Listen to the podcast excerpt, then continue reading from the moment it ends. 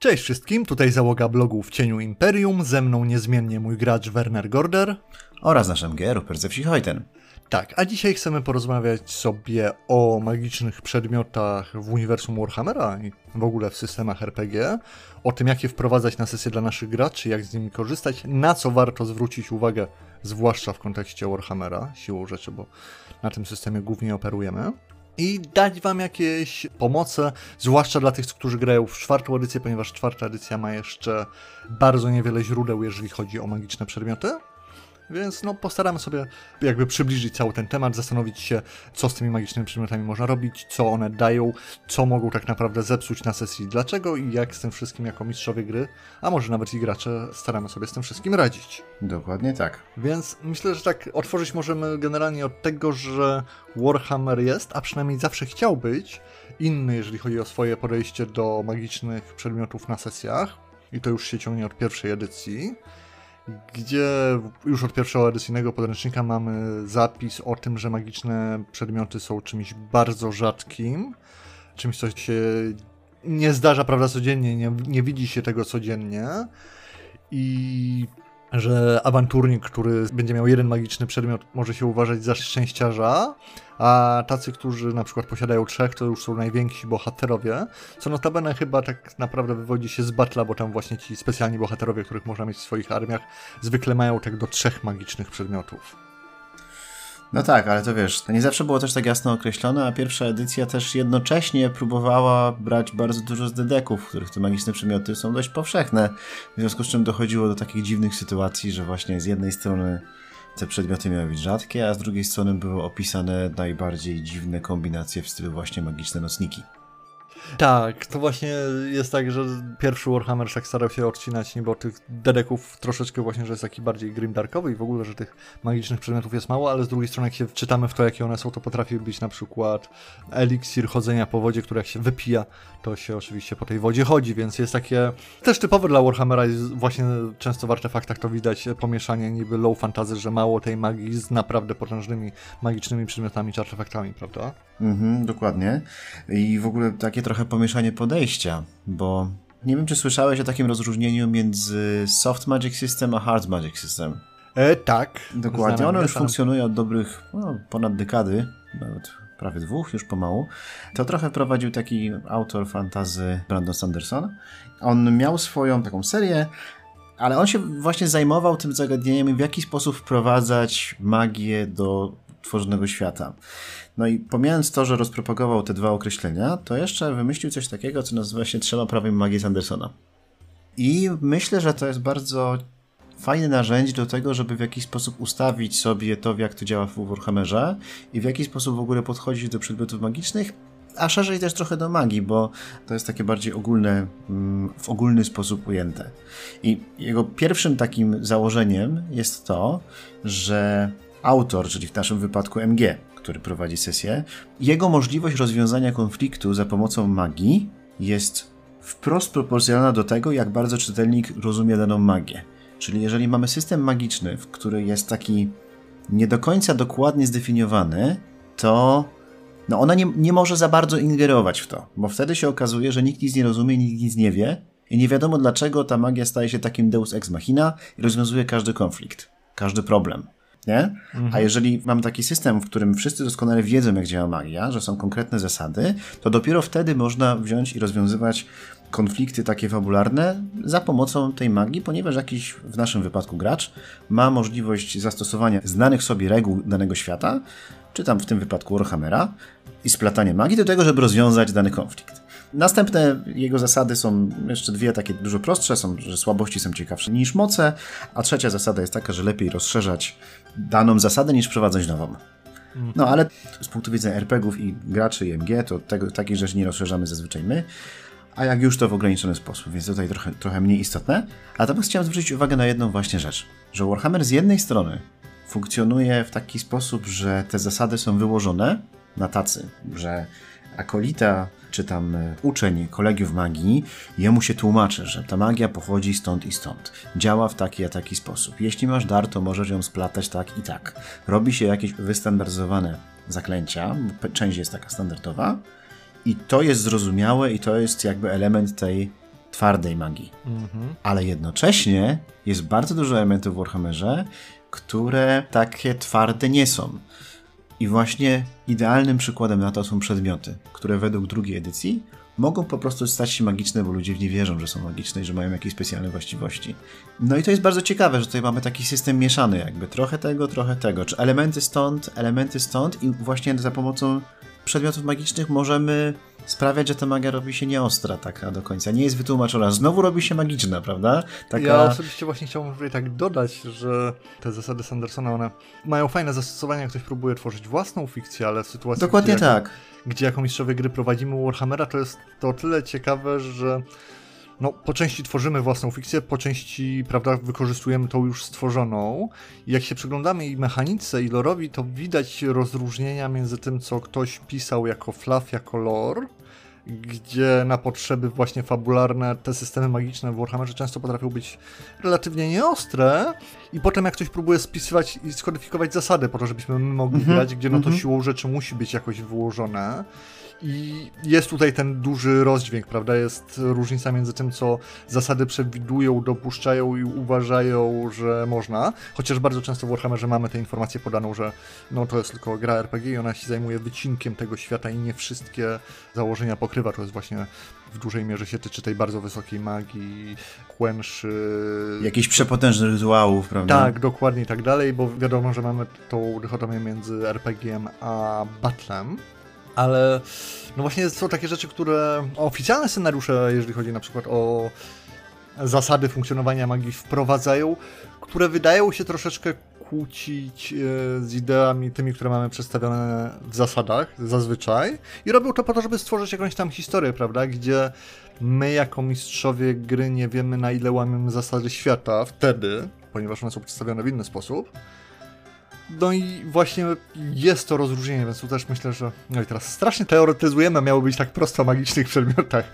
Nie ma nic prostego w magicznych przedmiotach. Tak, to też prawda. Ale właśnie widać to rozwarstwienie i też uważam, że jeżeli tutaj ktoś szuka porady, żeby pamiętać o tym, że naprawdę istnieje tutaj spora dowolność, bo pisarze i twórcy od Warhammera naprawdę w różne kierunki z tym wszystkim szli, więc na naszych sesjach też możemy iść w różne sposoby z tym, jak ta magia w Warhammerze działa, te magiczne przedmioty, jak się objawiają, jakie są ich działania i powiedzmy częstotliwość pojawiania się na sesjach i tego typu elementy, prawda? Żeby się tutaj za bardzo nie zamykać w jakimś takim jednym konkretnym ujęciu, bo bardzo popularne jest takie, no Warhammer to magiczny przedmiot właśnie widzi się raz na kampanię, ale prawda jest to taka, że to też jest coś, czemu zadają kłam i oficjalne przygody, i lorowe źródła i tak dalej, i tak. No. Wybacz, bo ci tak przerwałem. Nie, spoko, spoko. No tak, z jednej strony te magiczne przedmioty, patrz na przykład e, Realms of Sorcery druga edycja, właśnie tam masz wprost napisane, że jeżeli ktokolwiek raz w życiu przypadkiem natrafi na magiczny przedmiot, to jest szczęśliwcem, bo to się nie zdarza. Mhm. E, natomiast e, Pierwsza edycja znowuż miała rozpisane całe sposoby tworzenia nowych magicznych przedmiotów, y, których w Realms of Sorcery jako tako nie oświadczysz. Tam drugoedycyjne, jeżeli właśnie odwoływać by się do tych starszych, do tych starszych edycji, bo teraz czwarta edycja jeszcze czegoś takiego nie, nie, nie istnieje jeszcze, wiesz, jakiś oficjalny przewodnik, jak traktować magiczne przedmioty, ale jeśli opierać się na drugiej, no to na drugiej masz co najwyżej odwołanie, że jeżeli już koniecznie chcecie zrobić magiczny przedmiot nowy, no to powinniście potraktować to jako przeprowadzenie długotrwałego rytuału, który mógł być skomplikowany i potężny. I odniesienie do rozdziału o rytuałach, w których są jakieś zasady do rytuałów, które tam gracze SMG razem mogą stworzyć żeby ewentualnie coś wyszło. Pierwsza edycja natomiast ma całkiem naprawdę rozbudowany ten element tworzenia tych magicznych przedmiotów, jak to robić, jak prawo naśladowania czegoś tam i tak dalej, i tak dalej.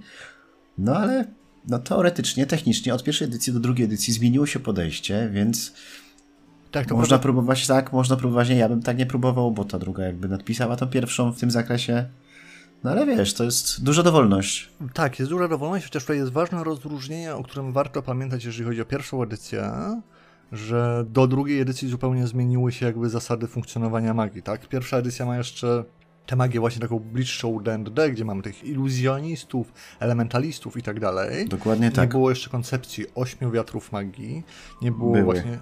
To znaczy nie w kwestii kolegiów magii, o, w tym sensie. Były. Nie mamy tego w podręczniku do pierwszej edycji. Nie mamy osobnych kolegiów dla każdego z wiatrów magii. W pierwszej edycji. No w podręczniku podstawowym nie, no ale w dodatku do tych Królestw Magii pierwszoedycyjnych byli zarówno ci iluzjoniści i tak dalej, jak i same kolegia.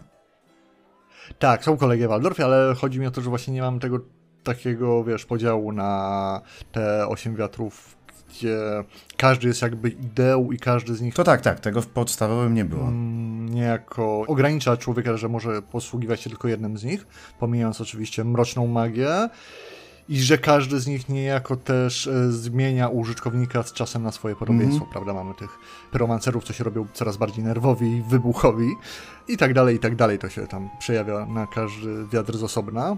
To właśnie też druga edycja Królestwa Magii, te Arcane Marks i tak dalej, i tak dalej, więc te wpływy wiatrów magii. I tu jest dużo właśnie teorii Warhammera, ale może teraz przejdźmy na takie bardziej mechaniczne części. W zasadzie zastanówmy się, jak i po co używać magicznych przedmiotów na sesjach i do czego one nam służą. Wydaje mi się, że to te, te, też, żebyśmy się tak nie zagubili tylko w rozmawianiu o różnych wersjach Warhammera Nie, no to systemu właśnie- magicznego w nim. No. No właśnie ja specjalnie ten system magiczny i to rozróżnienie chciałem przywołać na początku, bo ja na przykład jestem fanem koncepcji, że takie magiczne przedmioty, jeśli się już pojawiają, to nie po to, żeby rozwiązywać problemy graczy. Ba, może nawet bardziej po to, żeby trochę im sprawić problemy nowe, ale nie żeby sytuację rozwiązywać w magiczny sposób, że to może trochę pomóc za jakąś cenę, ale nie rozwiązać całości. Wiesz o co mi chodzi? Wiem o co ci chodzi, to mi się podoba. Podoba mi się właśnie, jak zwłaszcza czwarta edycja ujmuje kwestię magii, że ona jest. Potrafi osiągnąć wiele rzeczy i to nie jest takie, że tak powiem, wiesz, czyste obrażenia. I podoba mi się, że magia może być tym elementem, który daje ci możliwość zrobienia rzeczy, których nie mógłbyś zrobić w żaden inny sposób. I tyle. Ale z racji tego, że daje ci tę możliwość, to jest tam jakaś cena w tym zawarta. Cena mechaniczna zawarta jest oczywiście tam w rzutach na manifestacje, potencjalne korupcje i tak dalej. Ale magicznie jesteśmy w stanie osiągnąć rzeczy, których nie jesteśmy w stanie osiągnąć niemagicznie jako systemie. I osobiście mam podobne podejście do tych magicznych przedmiotów, które ja staram się tworzyć i wprowadzać niejako na sesję. Tak, swoją drogą gdzieś tutaj w opisie powinien być odnośnik do naszego bloga, gdzie jest lista magicznych przedmiotów stworzona właśnie na potrzeby dzisiejszego odcinka i tych, które pojawiały się na naszych sesjach, jakbyście chcieli sobie posprawdzać, jak ja to robię na sesjach. No ale też właśnie jestem zdania, że magiczne przedmioty nie powinny być czymś, co jest z założenia, wiesz, lepsze niż niemagiczna wersja, tylko czymś, co Mhm. jest inne i daje inne możliwości, ale też za inną cenę. Chociaż wydaje mi się, że tu już się troszeczkę zagalopowaliśmy do przodu, bo tak zacznijmy może od początku, po co w zasadzie dajemy magiczne przedmioty na sesji, na, po co je umieszczamy. No i z jednej strony to jest po to, żeby w jakiś sposób wynagrodzić graczy, a z drugiej strony, bo to jest po prostu fajne, no nie bójmy się użyć tego słowa, ale Warhammer jest fajny dlatego, że ma, prawda, mutanty, trole, orki, wojowników chaosu i również krasnoludy z runicznymi, magicznymi toporami, czy elfy z magicznymi łukami, czy cokolwiek takiego, prawda? Magiczne itemy są fajne, fajnie jest mieć postać, która po jakimś czasie ma przedmiot, który jest wyjątkowy, który ma historię, który ma działanie ciekawsze i lepsze niż to, co jest normalnie w podręczniku. I to jest chyba część frajdy grania w RPG takie fantazy z magią, prawda? Żeby ostatecznie jakąś tą magię mieć. Może nie chcemy się świecić od legendarnych magicznych przedmiotów, jak w jakimś MMO na cholera wie którym levelu, ale to jest fajne. Drugi element jest taki, że pomaga nam jakby wzbogacić świat i przedstawić jego historię, prawda? Bo o ile standardowy sztylet czy coś takiego w ekwipunku postaci, no to jest coś, co ma swoje zwykłe statystyki, no to zwykle jak mamy magiczny przedmiot, to staramy się po pierwsze wprowadzić jakąś jego historię, jakiś jego opis, nie wiem, ktoś potrafi rysować, to może się pokusić o narysowanie czegoś. I to też myślę, że bardzo często chcielibyśmy jakoś wprowadzić w świat, tak, że to nie jest coś, co po prostu się kupiło na targu, tylko zdobyło się podczas takiej albo innej przygody. Wcześniej należało to do takiego, a nie innego bohatera. Jakby jest to kolejny element narracyjny, prawda? No tak, jeszcze wiesz, pełni taką funkcję, że jeszcze bardziej wiąże tą postać w świecie, prawda? Ma więcej punktów zaczepienia.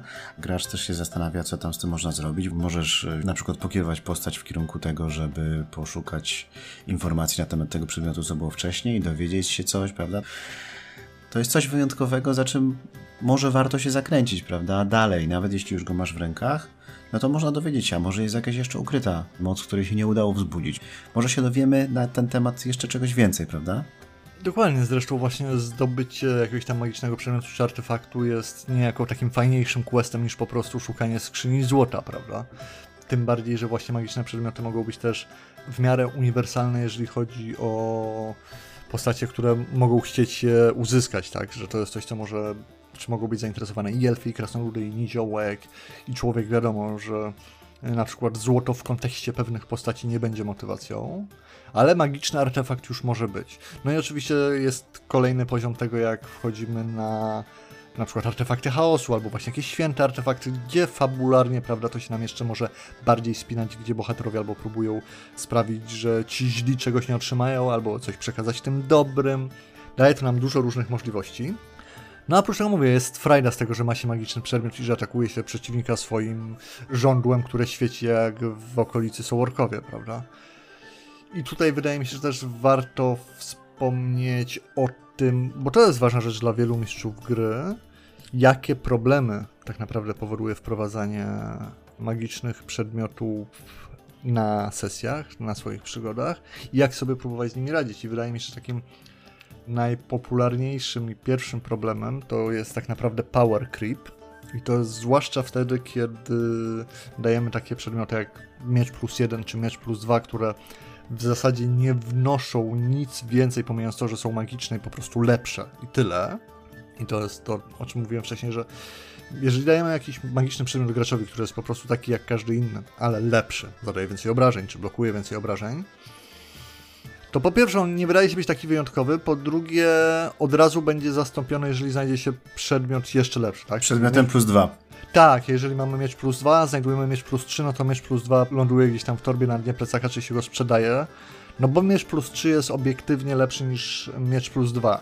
I nieważne jakie narracyjnie zrobimy tam historię o tym skąd on pochodzi, ile wysiłku gracze włożyli w zdobycie tego czy innego, to jeżeli gracz po, nie wiem, końcu kampanii zdobywa miecz plus 2, a potem z randomowych rzutów na tabelkę, bo postanowiliśmy z tego korzystać, dostaje miecz plus 3, to miecz plus 3 jest lepszym mieczem. I tyle, i będzie używał miecza plus 3, bo każdy gracz i każdy z nas no siłą rzeczy czemu miałby używać gorszej broni, prawda, w walce z przeciwnikiem? Chyba, że rzeczywiście jakiś jest bardzo taki narracyjny moment, gdzie to by było bardzo ważne dla gracza, ale no z założenia się korzysta z tego, co jest lepsze, co nam daje przewagę na kostkach, o to w tym też wchodzi, bo to też jest część grania w RPG. I właśnie wydaje mi się, że tu jest ważny element, żeby to powstrzymywać, żeby dawać przedmiotom takie cechy, nie chcę mówić tutaj wady i zalety, ale właśnie cechy, żeby to miało dobre i złe strony, że one będą sytuacyjne i będą jakby potrzebne gracze z jednej strony będą chcieli ich używać, ale z drugiej strony nie zawsze, ba, czasami mogą nawet bać się ich używać ponieważ ewentualne konsekwencje korzystania z danego przedmiotu mogą być, prawda, e, zbyt poważne, więc może być, nie wiem, miecz, który będą chcieli wyciągnąć tylko w ostateczności, bo konsekwencje jego używania są zbyt poważne, żeby za każdym razem, jak jest, powiedzmy, jakaś tam prosta walka z tego korzystać. No innymi konsekwencjami właśnie jest to, że na przykład magiczne właściwości danego przedmiotu są oczywiste dla wszystkich, którzy widzą jego użytkowanie. To sprawia, że cała drużyna ma momentalnie problemy w sytuacji, w której któraś z postaci zacznie tego, nie wiem, amuletu, miecza, czegokolwiek korzystać, bo zaraz szybko wieści rozniesie, że to jest coś magicznego, a to są tylko ludzie, to jest dużo warte, ktoś chętnie kupi taki amulet, prawda? I zaraz na dzień dobry robią się problemy. I to nie problemy z powodu magicznych, nie wiem, mantikory, bo ten amulet jest ochrony przed, nie wiem, mantikorami właśnie, tylko z powodu zwykłych złodziei, którzy próbują to się zakraść, ukraść, przy okazji poderżnąć gardło, bo ktoś się, wiesz, w nocy obudzi, mógłby ostrzec pozostałych towarzyszy podróży. Więc e, to są takie całkowicie przyziemne konsekwencje tego, że dana drużyna paraduje z magicznymi przedmiotami. No bo to jest coś, co w świecie, w naszym wypadku Warhammera, jest dużo warte. Tu jest właśnie fajny element też, który poruszyłeś, mianowicie tego, że jakby te cechy czy wady magicznych przedmiotów nie zawsze muszą być magiczne w naturze. To nie zawsze musi być właśnie przedmiot, który daje ci punkty korupcji, szaleństwa czy czegoś takiego. To nie zawsze musi być przedmiot, który tylko ze swojej magicznej natury może wywoływać takie czy nie inne problemy, ale właśnie sam fakt, że jest magiczny, może sprawiać, że nie jest to coś, czym gracze chcą się chwalić, prawda? Jeżeli tak prowadzicie i budujecie świat. My mieliśmy ten przykład na sesjach, gdzie właśnie twoja postać dostała magiczny miecz, który super, że jest magiczny, ale z drugiej strony to był półtorak, jest wielki i w sumie widać, że jest magiczny, jak się go tylko wyciągnie, więc... Więc nie jest wyciągany to raz, a dwa daje duże bonusy tylko w konkretnym wypadku, które szanse na to, że się kiedykolwiek pojawi są minimalne. Dokładnie, to jest takie, że z jednej strony fajnie, z drugiej strony ten w jakiś sposób mi się wydaje przynajmniej, ja to tak planowałem, żeby właśnie łączyć to high fantasy warhammerowskie, to takie potężne artefakty z tymi przyziemnymi problemami, prawda, tego wszystkiego. Zresztą tu jest właśnie też kwestia na przykład świata przedstawionego z tego, co wiemy z lore, że tak, tak jak wspomniałeś, właśnie różni ludzie, jak tylko zauważą, że grupa śmiałków ma jakieś magiczne przedmioty, będą próbowali to odebrać. I to nie są tylko złodziejaszkowie czy półświatek, ale mamy oczywiście klasyczne kolegie magii, łowców czarownic, czy zwyczajnie po prostu potężnych, wpływowych i bogatych ludzi, bo w realiach Warhammera magiczne artefakty, zwłaszcza te nazwijmy je dobre, w tym sensie, że w zasadzie posiadające same plusy, prawda, czyli runfangi na przykład i podobne, no to są de facto odpowiednikiem naszych super jachtów i podobnych rzeczy. To nie są rzeczy, moim zdaniem, w tym takim jednak bardziej drugoedycyjnym przedstawieniu świata, wiesz, to nie jest coś, co można po prostu kupić, czy nawet po prostu sprzedać. To jest towar. To działa troszeczkę na zasadzie dzieł sztuki, w sensie wyjątkowości i niepowtarzalności, w połączeniu z czymś, co zakrawa na broń masowego rażenia potencjalnie. Prawda? Jest to coś dostępnego tylko naprawdę dla bardzo bogatych, bardzo wpływowych ludzi, którzy starają się to trzymać, bo to są wiadomo jakieś tam relikwie rodowe, które przechodzą mhm. dalej, bo no bo siłą rzeczy, jeżeli jesteś, nie wiem, księżną elektorką na przykład z NU i no pieniądze nie są dla ciebie problemem, ale zdarza ci się na przykład z twoją armią iść do bitwy, bo czasem trzeba, no to wiesz, zdobycie magicznej zbroi, która po prostu jest lepsza niż każda inna zbroja, którą możesz mieć, no jest symbolem statusu, prawda? Tak, ale to jest coś takiego, że. Bo symbol statusu to co innego, ale chodzi mi o to, że wiesz. W Warhammerze, tak jak w podobnym świecie, im jesteś bogatszy, tym więcej pewnych rzeczy możesz kupić, a nie wszystko możesz kupić. Natomiast właśnie takie rzeczy, wiesz, jak zwiększenie szansy na to, że przeżyjesz bitwę, jak ktoś cię zaatakuje, bo nie wiem, magiczny pocisk nie będzie w stanie ci zrobić krzywdy, bo masz magiczną zbroję, czy strzały się będą odbijały, to wiesz, mhm.